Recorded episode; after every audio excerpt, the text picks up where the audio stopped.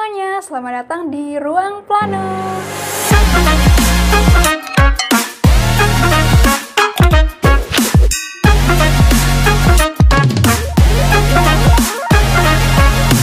Halo kawan Plano, aku Kiki. Kali ini akan kalian di podcast Ruang Plano bareng gue kita malam ini ada Kak Safira Naira dari PWK Angkatan 2017 dan ada Kak Dinda Nabila Yasmin dari PWK Angkatan 2019. Halo Kak Fira, halo Kak Yasmin. Halo semuanya. Oke, kita langsung aja ya ke kontennya gitu. Jadi kita akan ngebahas tentang studio rancang kota, tapi kali tapi ini lebih ke cerita pengalaman aja sih. Jadi untuk kawan plano, terutama yang belum atau akan menempuh mata kuliah studio rangkot ini, biar punya persiapan gitu kak. Untuk uh, apa namanya nanti pas studio biar nggak kaget banget gitu. Nah, jadi di PWK ini studio rangkot ini ada di semester 5. Kalau di kakak dulu semester berapa kak 2017? Uh, kalau di angkatan 2017 itu studio rancang kota ada di semester 7. Semester 7. Oh. Iya. Oke, Kak. Aku mau nanya-nanya ya. Kalau menurut Kakak nih, studio rangkot itu apa sih? Terus di sana ada apa aja gitu? Ini kita ngobrolnya santai aja ya. Uh, jadi kalau menurut aku ya, aku kan kalau misalnya uh, berhubung, kenapa?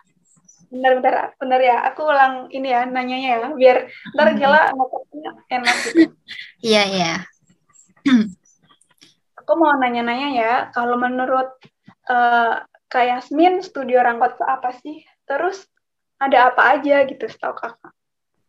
Um, jadi ini kita uh, ngobrolnya santai aja ya. Uh, kalau sepengalaman ini yang selama semester lima uh, aku jalanin gitu kan.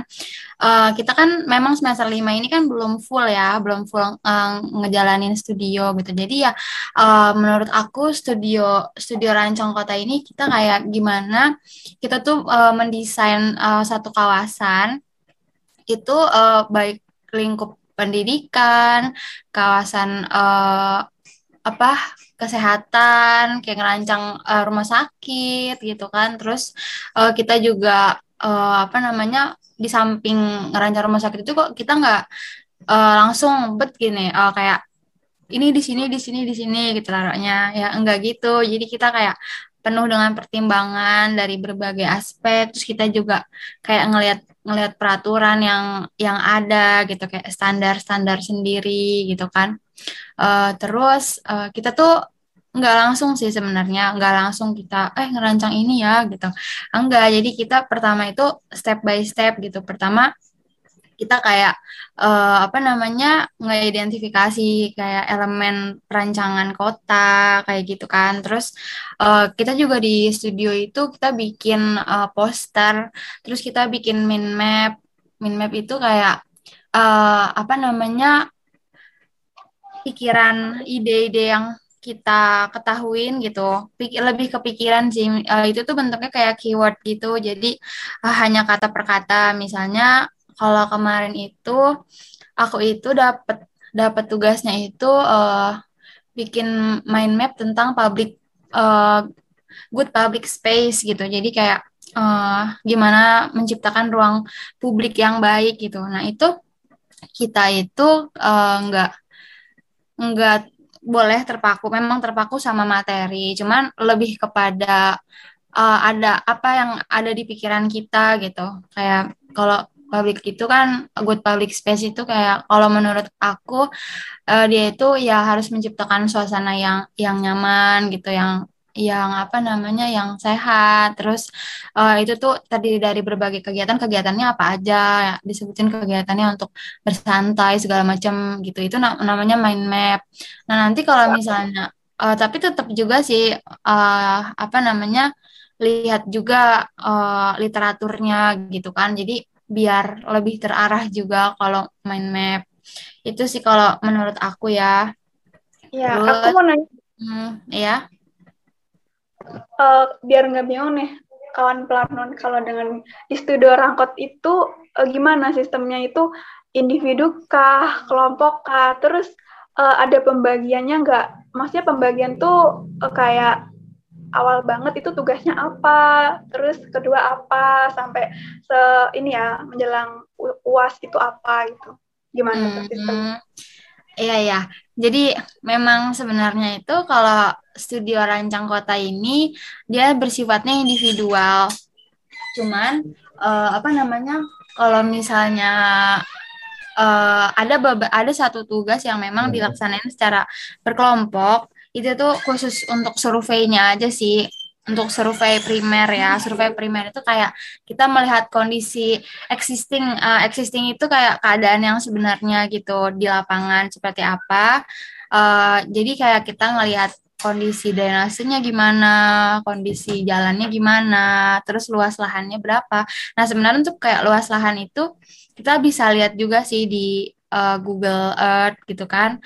Nah, jadi untuk urutan tugasnya itu yang pertama ya yang seperti aku bilang tadi yang uh, kita uh, kayak nge-review gitu sih. Uh, kan dosen dosen studio rancang kota ini itu ada dua uh, Bu Rina sama Bu Ida gitu kan. Jadi kita itu di setiap uh, minggunya itu dua kali pertemuan. Nah, yang hari Senin itu uh, biasanya Bu Rina, terus nanti yang hari Kamisnya itu Bu Ida. Waktunya itu jam, kalau hari Senin itu jam 10 pagi, kalau Bu Ida itu hari Kamisnya dia jam 8 pagi.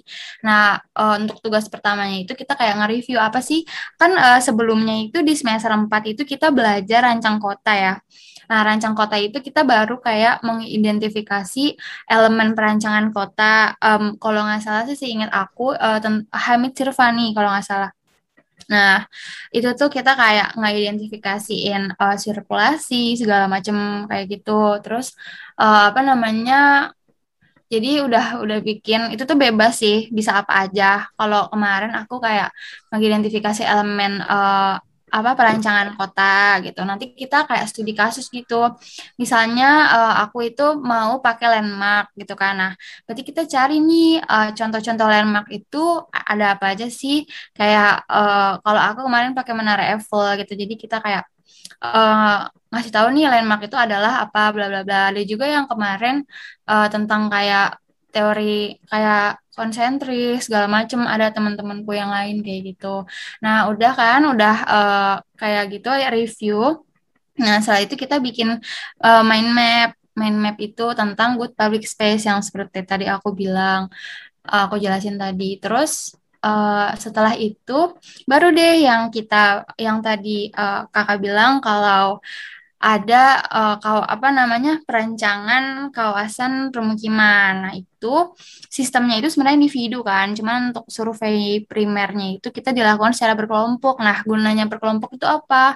Gunanya berkelompok itu jadi nanti uh, kita itu enggak enggak apa ya nggak susah gitu nggak ribet untuk uh, dan nggak keberatan gitu satu sama lain jadi kan kayak yang ini nyari nyari data ini yang satu nyari data survei primer nih nanti yang yang karena kan kita online ya jadi ada yang memang jauh. Jadi mereka itu nyari data sekunder gitu. Nah kalau kita nyari data primernya gitu kan kayak lebar jalan berapa lebar drainase berapa terus itu keterjangkauan dengan kawasan lainnya itu seperti apa kayak uh, dekat dekatkah dengan uh, aksesibilitas aksesibilitasnya sih kayak dekat sama jalan tol terus dekat sama uh, misalnya ada banyak pertokoan kayak gitu. Terus jadi analisisnya uh, sendiri ya Bill Iya, tapi untuk uh, proses analisisnya itu kita secara mandiri karena memang uh, di satu kelompok ini isinya uh, lima orang, nah masing-masing orang itu beda-beda perancangannya. Jadi yang uh, kalau kakak kebetulan itu dapat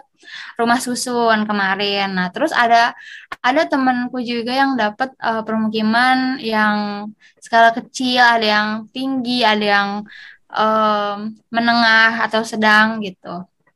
Nah, di situ kita itu presentasi kan yang untuk presentasi pertamanya itu kita berkelompok dulu karena untuk uh, menunjukkan datanya kan. Nah, terus baru deh kita uh, menganalisis banyak lah banyak hal gitu kan. Nah, untuk patokan kita kemarin itu yang pakai Edward T. White sumbernya. Jadi ada uh, per minggunya itu jadi kita nggak langsung ya. Kita kita tuh bertahap bertahap uh, uh, iya kita tuh bertahap bertahap nah terus itu tuh uh, setiap minggunya ada kayak apa ya revisian gitulah ya. Semacam revisian. Terus habis itu nanti untuk minggu depannya nanti di direvisi lagi direvisi lagi kayak gitu. Itu tuh um, mengenai lokasi terus ada ukuran tata wilayah terus peraturannya gimana di sana?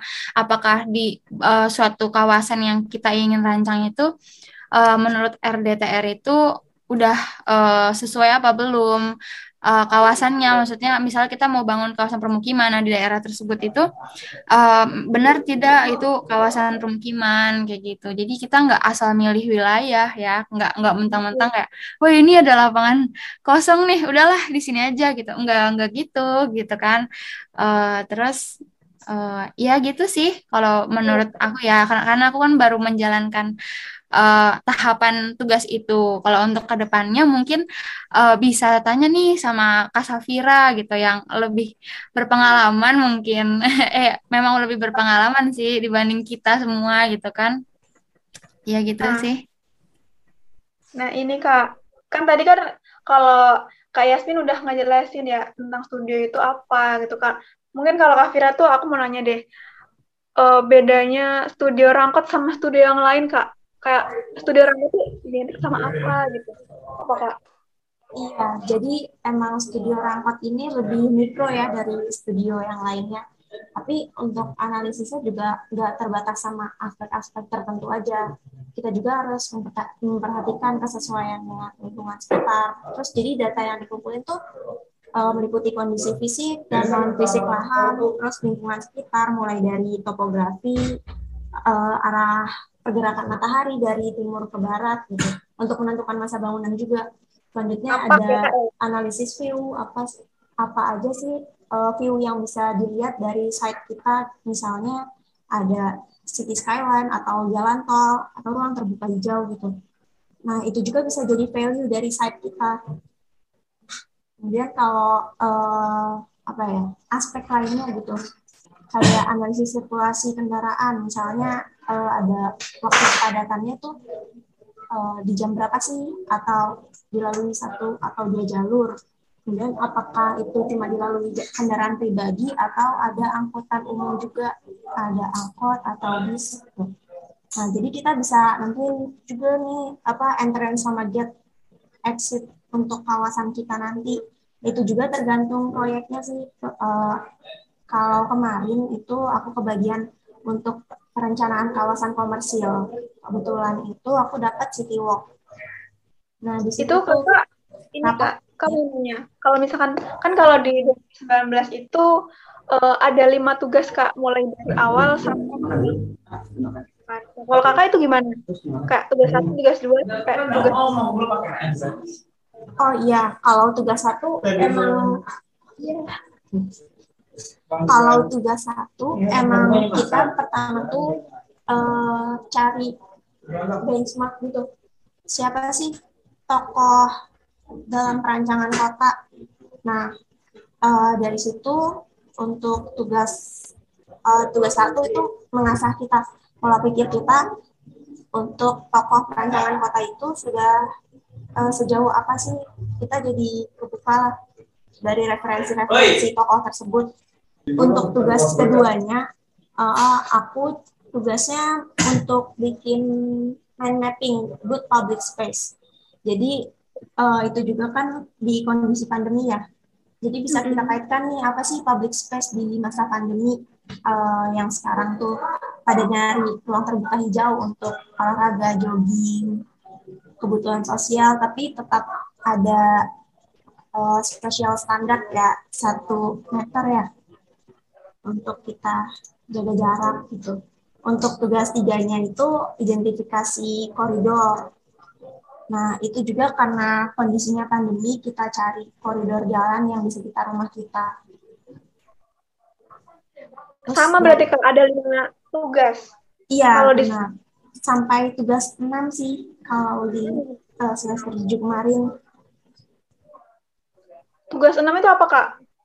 Uh, jadi untuk tugas tadi tugas tiga itu analisis koridor ya. Kemudian untuk di tugas empatnya itu untuk bikin ruang publik perencanaan ruang publik itu di uh, sekitar rumah juga karena uh, kondisi pandemi kita harus memanfaatkan yang di sekitar rumah aja. Kemudian untuk tugas limanya itu perencanaan kawasan pemukiman, ya perumahan untuk tugas enamnya baru tuh perencanaan kawasan fungsional yang aku tadi sebutin aku dapatnya kawasan komersil yaitu City Mall. Kak, rekomendasi dong Kak. Kita 19 juga udah masuk yeah. ke tugas kelima. Oh, sekarang kita ke udah masuk tugas kelima menjelang UAS. Nah, tapi kita belum belum ini belum bagi kayak kawasan fungsional, fungsional apa kayak siapa yang dapat kawasan pendidikan, kesehatan, komersial itu belum sih kak. Kalau oh. kalau kakak kalau kakak tadi apa kak komersial ya? Iya, aku dapatnya City Walk. Kalau kemarin itu kita di dibagi rata sih biar nggak sama semuanya. Ada kawasan pendidikan itu terus kawasan olahraga ya. Sama kalau apa kak? kawasan untuk kawasan komersil aja kita dibagi-bagi. Ada yang ruko ada yang shopping mall. Aku dapatnya city walk. Itu tuh udah uh, udah beda-beda gitu. Padahal sama-sama kawasan komersil. Susah nggak kak? Kawasan komersil susah nggak? Uh, sebenarnya gimana? Uh, apa ya? Kita tuh harus memperluas insight kita sih cari banyak-banyak referensi. Kalau bisa dari luar ya dari luar gitu. Kalaupun di sekitar kita ada kita coba apa ya dalamin lagi aja. Hmm. ya kak. Terus ini dong kak cerita pengalaman tentang studio studio rangkot yang Kak Fira tadi jelasin. Kayak pemilih setelah pemilihan nih setelah kebagian uh, apa namanya kebagian kawasannya nah terus tahap berikutnya ngapain kak gitu terus kayak mungkin ceritanya nggak dari segi teknis aja tapi non teknis gitu kak kayak pengalaman kakak dulu tuh apakah sampai begadang nggak apa nggak tidur gimana kak? Oh, iya wajar sih apalagi uh, software yang dipakai itu kan beda ya sama studio-studio sebelumnya juga. SketchUp udah main ya kak di sini kak? Iya udah uh, mulai dari rancangan di SketchUp-nya, kalaupun dari SketchUp-nya aja itu kan biasanya kita ngasih kaku ya. Kalau iya. mau lebih halus lagi kita harus render dulu, bisa di V-Ray, Lumion atau Enscape. Itu uh, kuat-kuatin aja platformnya. Ini ya kak kayak apa namanya kalau menurut aku studio ran rancang kota tuh kayak bener-bener ngerasa oh PWK tuh kayak gini. Ya nggak sih kak?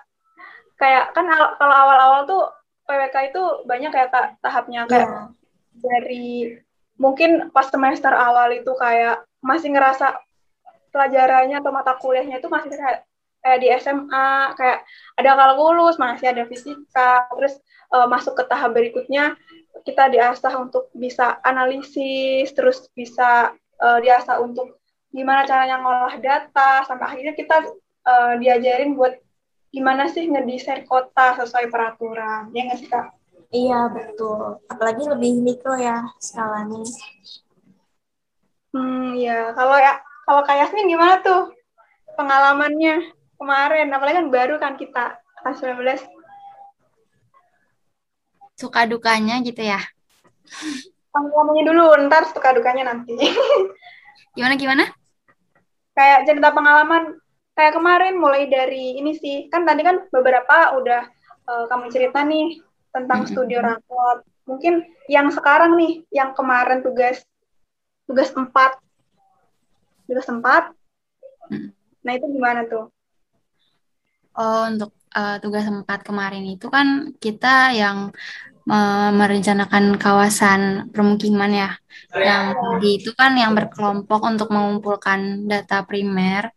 Nah, sisanya itu kita dipakai untuk menganalisis secara individu gitu. Jadi kalau untuk data primernya itu kita kayak membutuhkan ini uh, apa namanya kayak tentang jalannya, kondisi jalan, terus uh, apa namanya di situ tuh di daerah di wilayah itu uh, untuk kawasannya ini diperuntukkan sebagai apa. Kalau misalnya kita mau membangun kawasan permukiman itu, kita harus lihat dulu di peraturannya ini diperuntukkan untuk kawasan permukiman atau bukan gitu. Terus kalau misalnya kan kemarin uh, kakak itu kebagiannya tipologi rumah susun ya. Nah, untuk rumah susunnya itu sendiri, uh, kita juga melihat kayak misalnya di wilayah ini kan uh, kakak itu ngambil di um, Kavling zona Amerika. Itu tuh di dekat perumahan Malibu kalau nggak salah di dekat perumahan Malibu terus dengan luasnya ini 5 hek 4,71 hektar. Jadi kalau misalnya dosennya sih nyuruhnya 5 hektar. Cuman katanya boleh kurang boleh kurang 10%, boleh lebih 10% katanya gitu. Terus nah Kakak juga ngelihat kan kalau misalnya rumah susun nih eh, kira-kira di wilayah ini tuh boleh apa enggak dibangun bangunan bertingkat lebih dari dua lantai gitu. Nah, ternyata boleh. Jadi ya udah alhamdulillahnya uh, pas banget kan kita milih di sana. Terus jadi setelah kita milih tipologi kayak gitu, nah kita analisis, analisis dulu. Uh, benar tadi kata Kak Vira, yang arah mata angin, eh arah matahari, terus ya arah matahari, terus angin, konturnya gimana, terus aliran airnya.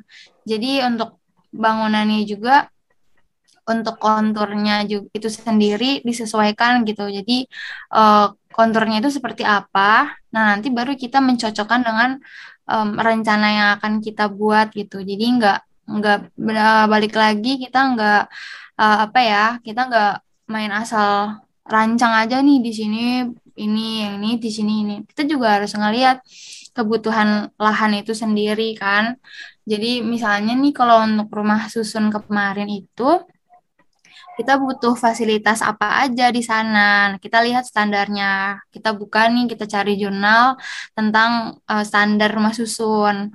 Nah, terus untuk satu lantainya itu berapa di lahan? Jadi uh, disediakan memang 4,71 hektar, tapi kita nggak nggak full semua kita kasih bangunan. Jadi kita ada um, perbandingan presentasenya untuk kemarin itu 70% sama 30%.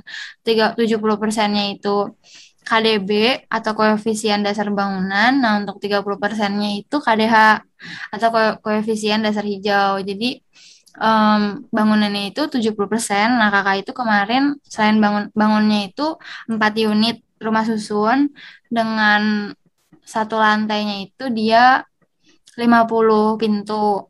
Terus itu juga diukur uh, per kamarnya itu tipenya berapa nih? Nah, kalau kakak kemarin itu tipe 36 untuk satu keluarga yang isinya itu empat orang. Kalau begitu. Terus kalau untuk yang tipologi perumahan sedang nih gimana? Tipenya berapa gitu. Terus ada juga yang kebagian kemarin apartemen gitu kan. Ya kalau untuk kayak suka dukanya itu sendiri uh, yang pertama itu ya nyari sumbernya sih. Nyari sumbernya untuk kalau misalnya kayak survei survei rame-rame itu senang itu sukanya sih. Sukanya karena kan kita udah lama ya nggak ketemu sama teman-teman gitu. Terus uh, baru ketemu lagi kemarin. Ya ketemu sih sebelum-sebelumnya cuman nggak nggak lama gitu. Nggak langsung pulang langsung pulang gitu kan.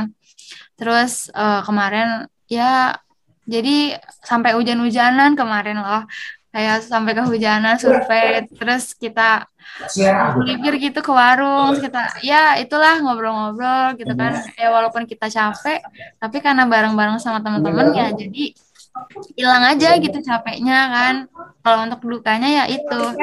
Nah kita itu uh, apa namanya nyari jurnalnya ya nyari sumbernya itu yang lumayan harus muter-muter gitu ke Google. Jadi buka ini buka ini buka ini. Terus nanti belum lagi ada yang oh iya ya yang ini belum dihitung nih yang ruangan ininya kok udah main asal ke fasilitas sih oh, itu lagi kita searching lagi gitu. Belum belum lagi kalau misalnya kayak koneksi internetnya terus oh, deadline udah mepet kayak udah aduh udah panik gitu kan. Untungnya iya kenapa mana kan satu minggu dua kali gitu kayak ya nggak sih? Kayak iya jadi kita kayak kejar-kejaran gitu iya kejar-kejaran kan. Mana di semester lima tuh udah ada tugas yang kadang tuh ya uh, dalam satu dalam satu hari itu ada dua deadline gitu. Kayak lu mikir nih. Uh, jadi kita mikirnya itu bukan ke yang ah ngerjain yang ini dulu deh, yang ini dulu gitu. Enggak jadi kita kayak ngelihat nih uh, untuk studio hari ini tuh eh hari Senin ini dikumpulinnya jam berapa. Nah, yang untuk tugas mata kuliah lain dikumpulin jam berapa. Jadi kita kayak bikin skala prioritas gitu loh uh, untuk ngerjainnya juga. Terus kadang tuh ya uh, ke mana-mana tuh uh, suka beberapa kali kayak mikir, aduh studio belum nih, padahal lagi di mana? Gitu, tapi mikir mikirnya malah ke studio gitu kan, padahal lagi lagi jalan-jalan ke tempat lain gitu tuh studio studio studio gitu. empat SKE jadi kayak kita lebih memprioritaskan gitu daripada tugas yang lain. Ya tugas lain penting sih yeah. cuma kayak itu ya pokoknya gitulah. Nah mungkin Abizar nih mau nanya nggak sama Kak Fira sama Kak Yasmin? Atau Isan Isan hmm mau nanya kalau untuk tipsnya nih biar kalau uh, studio rancang kotanya biar uh, biar studio rancang kotanya biar lancar itu gimana ya kak? Maksudnya kan kayak tadi kan kita kan desain uh, beberapa uh, kawasan ya kan kayak kawasan komersil uh, menggunakan SketchUp dan itu gimana ya kak biar kita tuh uh, apa ya kita tuh lancar gitu ngerjain tugasnya gitu. Mungkin ini sih kayak mungkin aku nanya dulu kayak sebenarnya software apa sih yang dipakai selain SketchUp ya? Kalau misalnya di Rangkot itu apa? Setelah itu mungkin ini ya ngejawab pertanyaan Kak Bizar gimana Kak Kak Fira nih? Boleh nih. Aku software apa ada aja?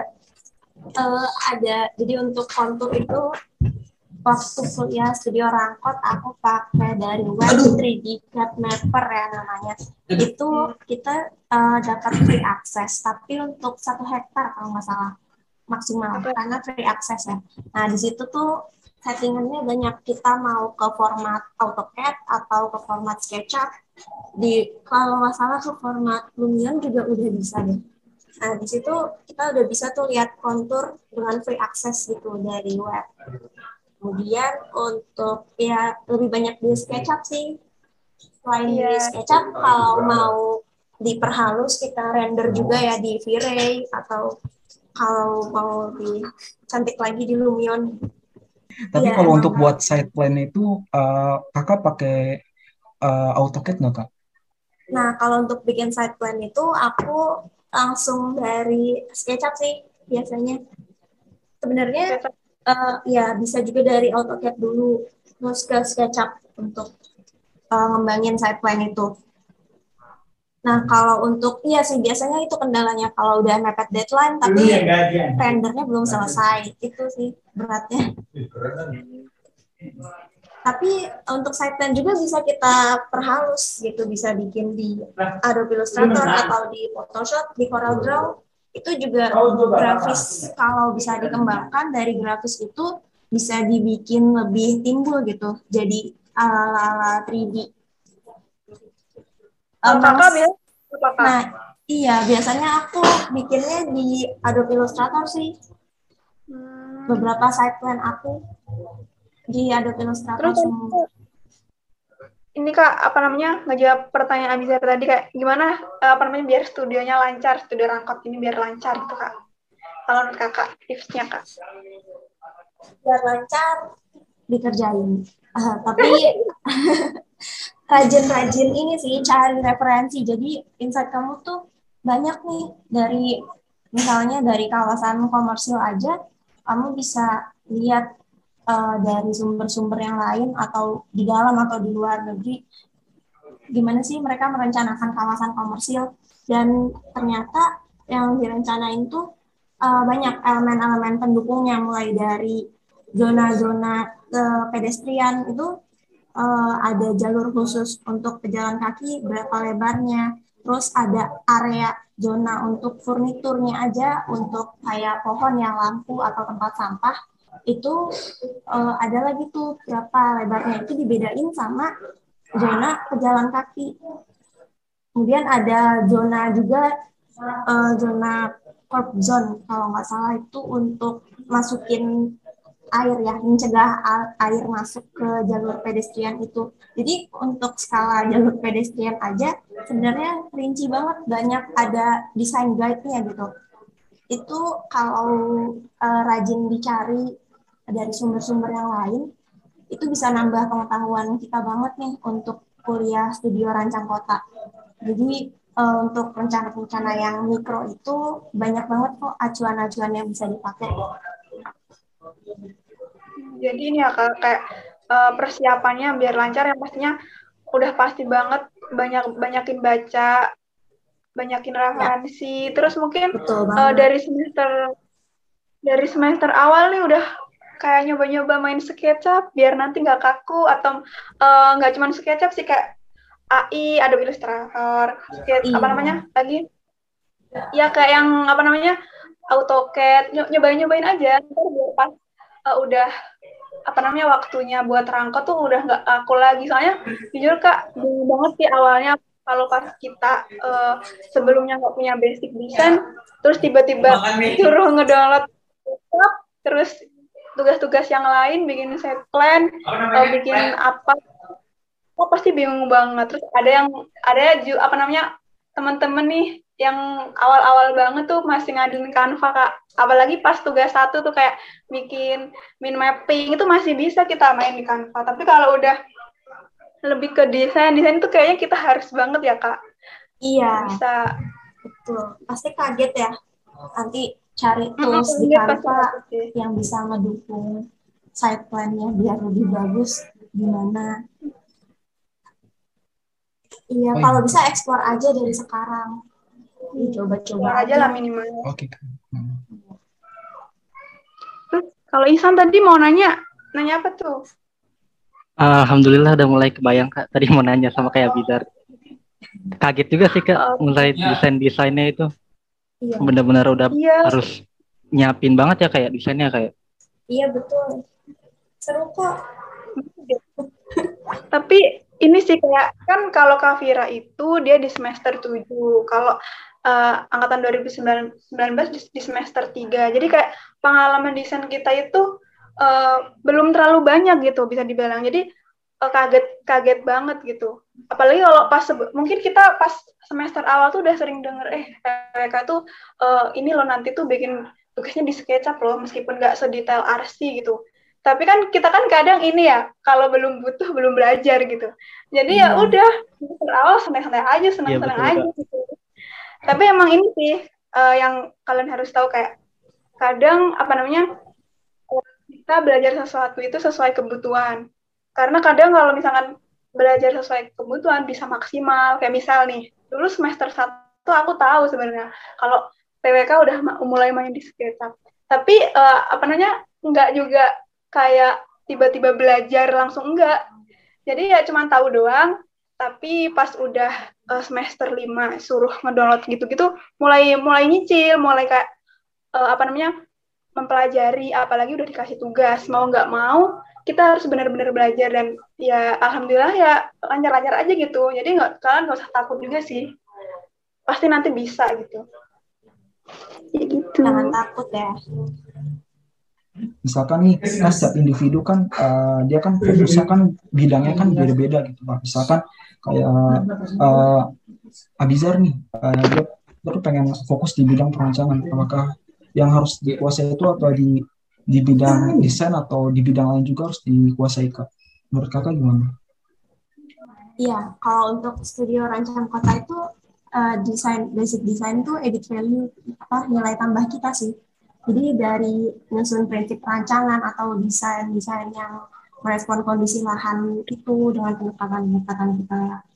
Nah, untuk desain uh, gimana cara kita mengimplementasikan apa sih the prinsip rancangan itu jadi sesuatu yang terlihat secara menarik gitu, visual yang menarik. Nah, kalau punya basic design di bagian itu akan lebih uh, akan lebih mudah gitu mempresentasikan itu.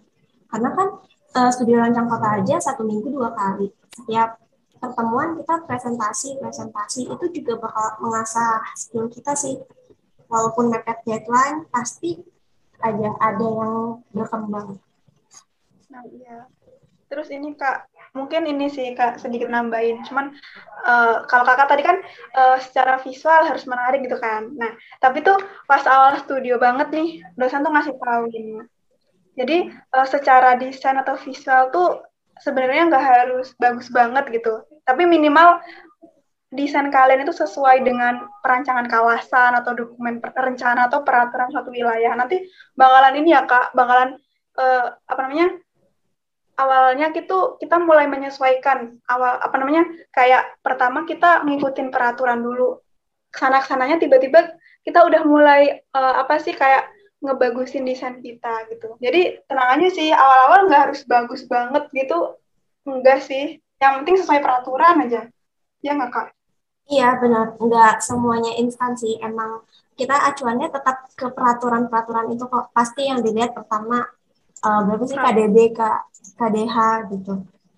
Untuk nentuin lahan itu berarti uh, nggak uh, pure di estetika gitu ya kak? Nggak harus estetika banget itu nggak pure banget di estetika ya kak? Enggak kok. Tadi aku kan uh, bilangnya itu edit value ya nilai tambah sebenarnya. Nilai tambah. Ya kak. Kalau enggak ya kalau menurut kak Dinda Nabila gimana terkait pertanyaan yang tadi kak? Coba diulang, Zar, punten. Uh, ya kak, jadi uh, basic skill seperti mendesain itu di bidang PWK apakah harus dikuasai atau enggak kak? Kayak gitu katanya. Um, kalau menurut aku sih perlu ya, perlu um, cuman untuk uh, desain itu sendiri ya benar sih tadi kata Kak Kiki ya itu tuh sebenarnya nggak nggak perlu untuk kayak harus wih harus bagus sekali gitu harus uh, estetik banget gitu yang penting adalah tetap sesuai dengan peraturan yang ada gitu. Baik dalam kesesuaian misalnya jalannya uh, ukurannya sekian untuk yang kolektor primer sekian untuk jalan lingkungannya ini berapa meter gitu. Yang penting masih sesuai dan untuk belajar desain itu sendiri, terutama SketchUp itu memang pada awalnya itu terlihat sulit gitu kan. Kita yang uh, orang awam yang nggak pernah megang software itu sama sekali, itu pasti bakal ngerasa kayak, wow ini kayaknya susah banget deh. Ini bingung nih gimana ya caranya gitu. Sebenarnya itu ada yang namanya 3D warehouse. Jadi kita nggak perlu lagi misalnya kita mau bikin gedung gitu ya kita tuh bisa bikin langsung tempel gitu. Jadi gambarnya kita download terus kita uh, ekspor eh kita impor ke ini uh, maksudnya kita masukin ke SketchUp-nya. Nah itu udah jadi gedungnya gitu. Tapi kalau misalnya memang kamu ingin uh, manual bikin gedung manual ya itu bisa juga Cuman kalau untuk uh, misalnya nih ada yang benar-benar kayak mepet banget dan mereka dia tuh belum belum belajar sama sekali gitu SketchUp. Nah, itu bisa pakai cara itu gitu. Tapi kalau misalnya yang emang udah latihan dari semester-semester sebelumnya bikin manual juga ya lebih bagus sih karena itu kan hasil hasil benar-benar hasil desain kita sendiri kan. Kalau kayak gedung itu kan kita bisa ngambil dari 3D cuman itu hasil hasil desain orang lain gitu. Nah terus uh, tadi apa? Yang keduanya pertanyaannya? Itu aja sih kak. Oh iya. Nah, iya sih kayak mm -mm. ini aku mau nambahin sedikit ya kalau ini sih uh, apa namanya pengambilan komponen dari 3D warehouse itu juga sebenarnya uh, ini ya tergantung tugas gitu. Kalau misalnya tugas tugas kita nih uh, ngedesain ngedesain bikin RTH gitu. Jadi komponen pendukung kayak bangunan itu kan uh, cuman sebagai apa namanya nilai value gitu hiasan. Jadi kalian bisa nih yeah. uh, dari 3D warehouse. Tapi kalau misalnya komponen utama kayak jalan, kita nggak bisa custom kan kalau di 3D warehouse. Jadi kita hmm. harus bikin manual di situ. Nah itu sih. Jadi uh, penggunaan komponen 3D warehouse itu sebenarnya nggak bisa custom. Jadi cuma sebagai komponen tambahan aja gitu. Iya betul. Misalnya kayak mau masukin tanaman gitu atau pohon. Nah, itu kita bisa ngambil dari 3D warehouse gitu. Terus kalau misalnya kita mau ngambil uh, bangku taman gitu misalnya. Nah, itu kita bisa ambil, tapi untuk yang ukuran-ukuran itu sendiri ya benar kata Kak Kiki jalan terus kita bikin pedestrian. Ya pedestrian itu nggak bisa pakai 3D warehouse. Jadi harus benar-benar kita ukur. Terus dari nasi juga kita bikin sendiri misalnya lebarnya 2 meter atau semeter atau berapa gitu. Itu kita ukur sendiri. Ada nama ada alatnya alat pengukurannya tools dari SketchUp itu sendiri. Uh, terus juga uh, izin menambahkan ya Kak Kiki. Jadi kalau misalnya apa namanya uh, dalam mendesain atau uh, dalam kuliah ini tuh peran teman itu sangat membantu sih peran teman itu sangat membantu karena memang pengalaman pribadi. Jadi kita itu zoom zooman untuk belajar SketchUp.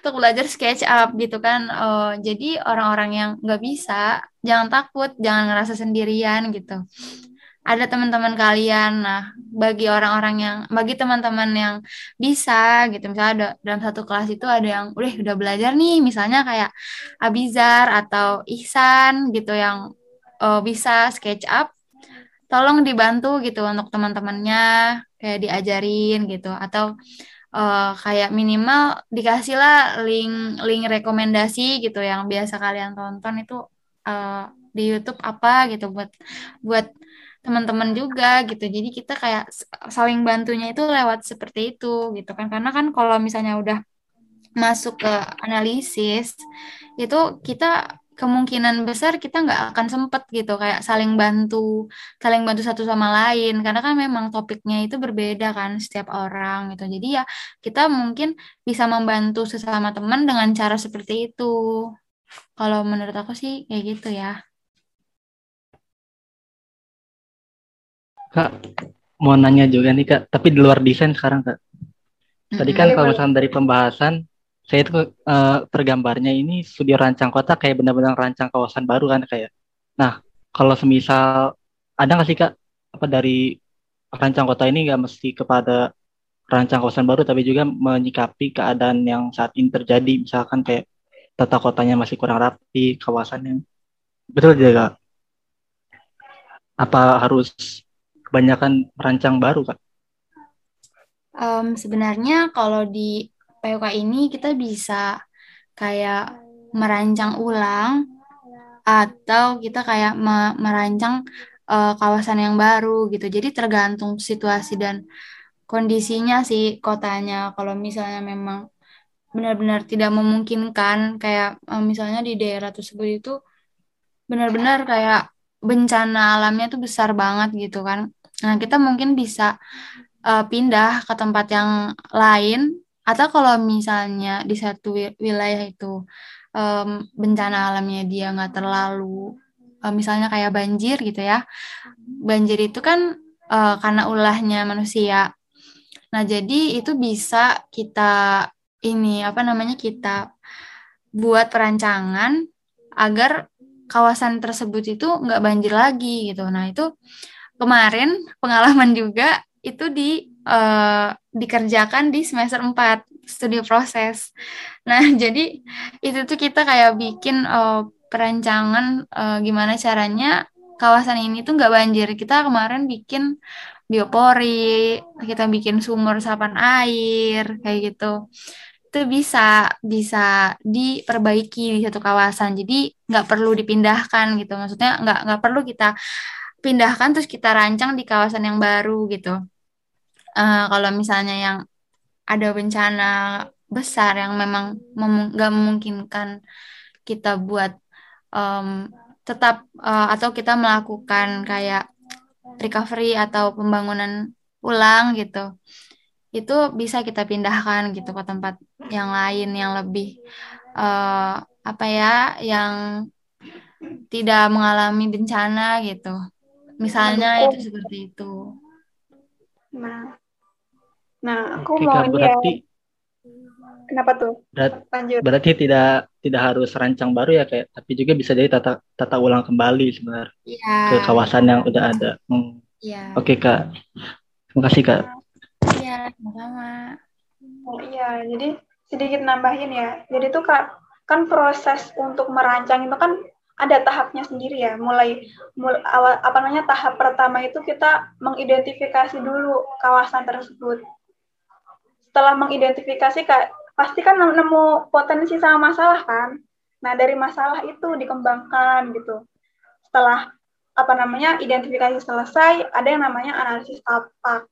Nah, analisis tapak ini juga dibagi jadi dua, ada analisis internal sama eksternal. Kalau analisis eksternal itu kita lebih uh, menganalisis dari segi kondisi existing lahan gitu kan. Terus kalau analisis internal uh, ini kita analis jaringan jalannya gimana hierarkinya. Di situ ada jalan apa aja? Ada jalan sekunder kah? Jalan primer? Jalan lingkungan atau jalan kolektor gitu. Terus aksesibilitasnya gimana? Terus ada pedestriannya enggak terus arah angin bertiup itu mulai dari mana? Di tapak atau wilayah studi kita itu dari mana peredaran mataharinya di mana arah aliran air terus kondisi lahan gitu gimana jadi sebelum kita benar-benar merancang setelah kita nemu masalah sama potensi, kita juga perlu yang namanya analisis tapak buat mempertimbangkan misal apa namanya apa sih gunanya untuk analisis arah mata angin, terus arah matahari juga apa gunanya?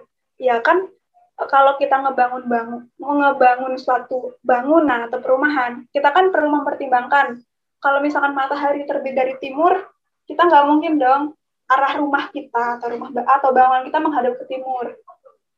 Nah, di situ eh, apa namanya? Di situlah gunanya analisis tapak. Misalkan kita eh, apa namanya? apa namanya arah rumahnya itu bisa menghadap ke arah selatan misal. Nah, di situ juga ada yang namanya analisis kebisingan karena mungkin wilayah tapaknya itu yang diambil di pinggir jalan. Nah, gimana untuk mengantisipasi itu? Ada apa namanya? Ditanamlah sejenis vegetasi kayak pohon gitu buat uh, meminimalisir kebisingan ya kayak gitu sih Kafira nih udah paham banget gimana kak kalau dari Kafira halo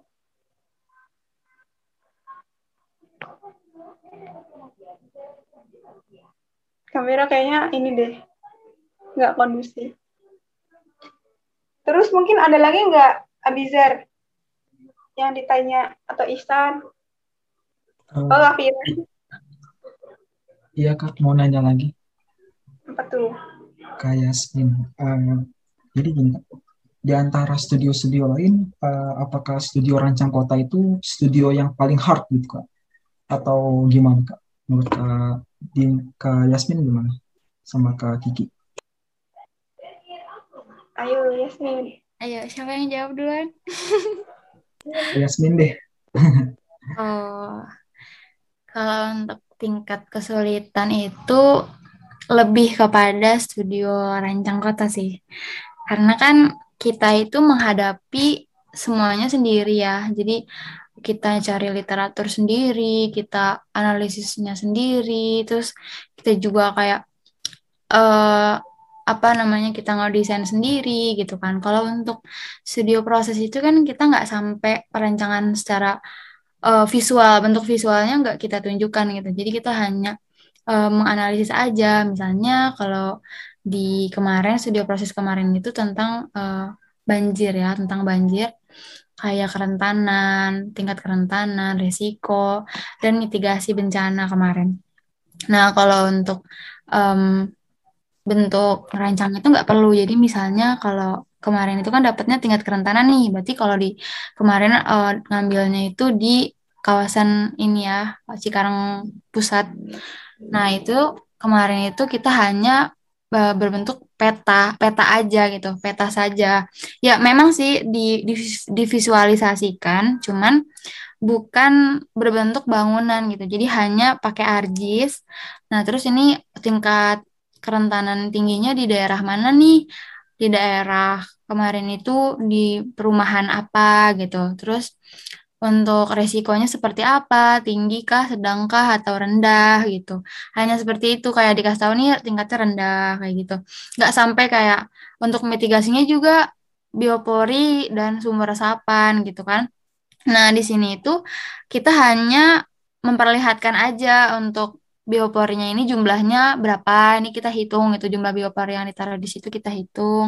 Nah terus untuk sumber resapannya nih uh, kita pakai misalnya di kawasan perumahan di perumahan ini kan kemarin kan kemarin itu hasilnya itu kan di perumahan uh, di perumahan di Cikarang Pusat itu resikonya tinggi gitu kan. Ada satu perumahan, uh, nah itu kita gimana nih sumber resapannya jumlahnya berapa ya gitu. Nah kita hitung gitu kan. Kita memperhatikan, ngitungnya juga kita memperlihatkan, uh, memperhatikan luas wilayahnya berapa. Nah, terus ini sesuai dengan peraturannya dibikinnya berapa nih, berapa buah gitu.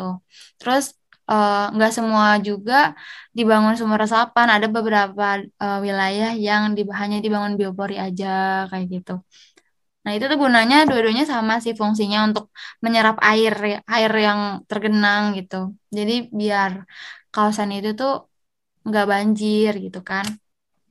Nah terus untuk yang studio rangkot baru tuh kita kayak bentuk visualnya misalnya kayak kita mau bikin kemarin itu rumah susun atau bikin universitas gitu kan. Nah, itu kita kasih tahu nih universitasnya nih di, di lahan uh, seluas misalnya 5 hektar gitu. Nah, kita tuh analisis tuh permasalahannya gimana di sana. Terus uh, apa namanya? Uh, sarana yang apa sarana prasarana atau fasilitas yang dibutuhkannya itu ada apa aja sih? Misalnya kalau universitas itu kan kayak ada musola ya, terutama musola, terus gedung kelas, terus ada perpustakaan, terus juga dia punya kantin, terus dia punya gedung rektorat dan sebagainya gitu kan. Nah, itu balik lagi juga kita ngelihat dulu tuh di peraturannya disediainnya apa aja kayak gitu kan. Terus eh, apa namanya? Lebih susah studi orang angkot karena kita harus menghadapinya sendirian dan kita harus berpikirnya juga sendirian gitu kan. Kalau misalnya studi proses itu kan kita kayak bisa berbagi pikiran gitu kan. Misalnya yang dari sini nih idenya, wah sebaiknya begini-begini biasanya gue lihat di uh, jurnal ini ternyata uh, mengatasi banjirnya itu dengan cara biopori sama sumur kayak gitu. Jadi uh, lebih bersama-sama kalau studio proses. Kalau misalnya rangkot itu lebih kayak individu aja. Paling kita saling bantunya cuman uh, nanya, uh, eh ini tahu nggak standar ininya gimana ya? Tapi itu juga jarang loh ada ada pertanyaan seperti itu itu paling cuman kayak nanya ini cara cara pakai SketchUp cara masukin gambarnya gimana sih paling kayak hal-hal kayak gitu soalnya kalau misalnya uh, nanya tentang analisisnya itu pasti setiap orang itu beda-beda. Jadi kita harus persiapan gitu. Kuncinya itu persiapan dari semester-semester sebelumnya gitu. Jadi kalau balik lagi ya kalau misalnya su susah studi rangkot atau proses ya studi rangkot sih. Lebih rumit bukan susah. Susah itu kan uh, susah itu sebenarnya nggak ada yang susah ya kalau kita belajar gitu. Lebih rumit aja lah. Tapi ya, kalau misalnya kita punya uh, kemauan gitu untuk uh, belajar, belajar desain dari sejak semester-semester sebelumnya, ya itu sih paling membantu ya. Jadi kita nggak perlu belajar lagi, kita hanya fokus ke analisisnya aja gitu lebih meningkatkan kemampuan uh, per, perbanyak baca gitu. Kita lebih perbanyak baca. Karena kita udah enak kan udah bisa gitu udah bisa sketch up. Jadi ya tinggal perbanyak literatur tentang belajar standar-standar gitu. Misalnya standar pembangunan universitas seperti apa. Udah ancang-ancang lah dari sekarang gitu. Ya mm-hmm. nah tadi ya uh, apa namanya ngelanjutin pertanyaan Abizar eh jawaban pertanyaan Abizar tadi kan kamu nanya ini gak sih kayak uh, bener nggak sih kalau studio rangkot itu sulit kalau disimpulin pertanyaan kamu kayak gitu nggak sih? Uh, iya kak, maksudnya uh, lebih uh, lev tingkat levelnya itu lebih hard mana daripada uh, studio yang lain gitu. Uh, kalau kemarin kan kaki kan studio proses sudah tuh. Nah kalau dibandingin sama studio rancang kota ini uh, tingkat kesulitannya uh, seberapa jauh gitu kan? Nah mungkin karena kan uh, kita masih semester lima ya. Dari lima studio kita masih uh, dua studio yang kita udah lewatin gitu. Jadi mungkin yang uh, apa namanya bisa ngejawab maksimal Kak Fira sih, yang udah melalui lima studio. Ayo Kak, gimana Kak? Betul banget. Menurut Kak Fira, Rangkal itu berapa? Berada di level berapa? 1 sampai 10, Kak.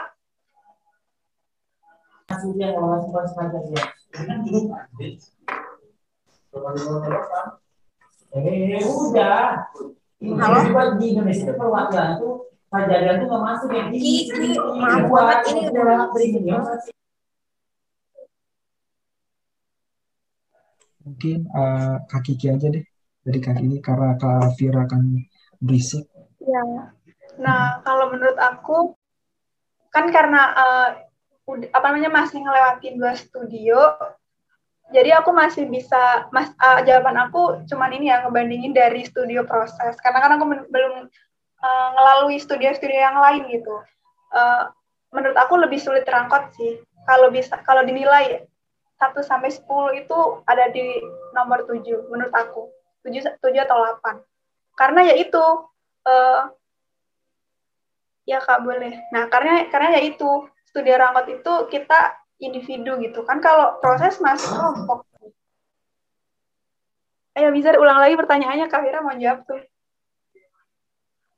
Uh, itu Kafir udah itu belum Kafir iya halo. Aman nggak sih suara aku? Maaf ya. Masih berisik kak. Oh ya udah maaf ya. Aku skip dulu. Iya kak. Udah kak Kiki aja. Uh, dilanjut lagi kak penjelasannya. Kafir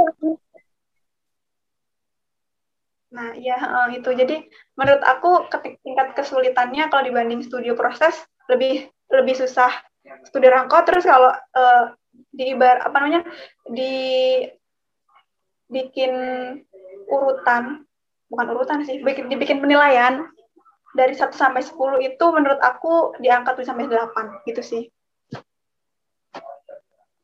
Kamera aman, Kak?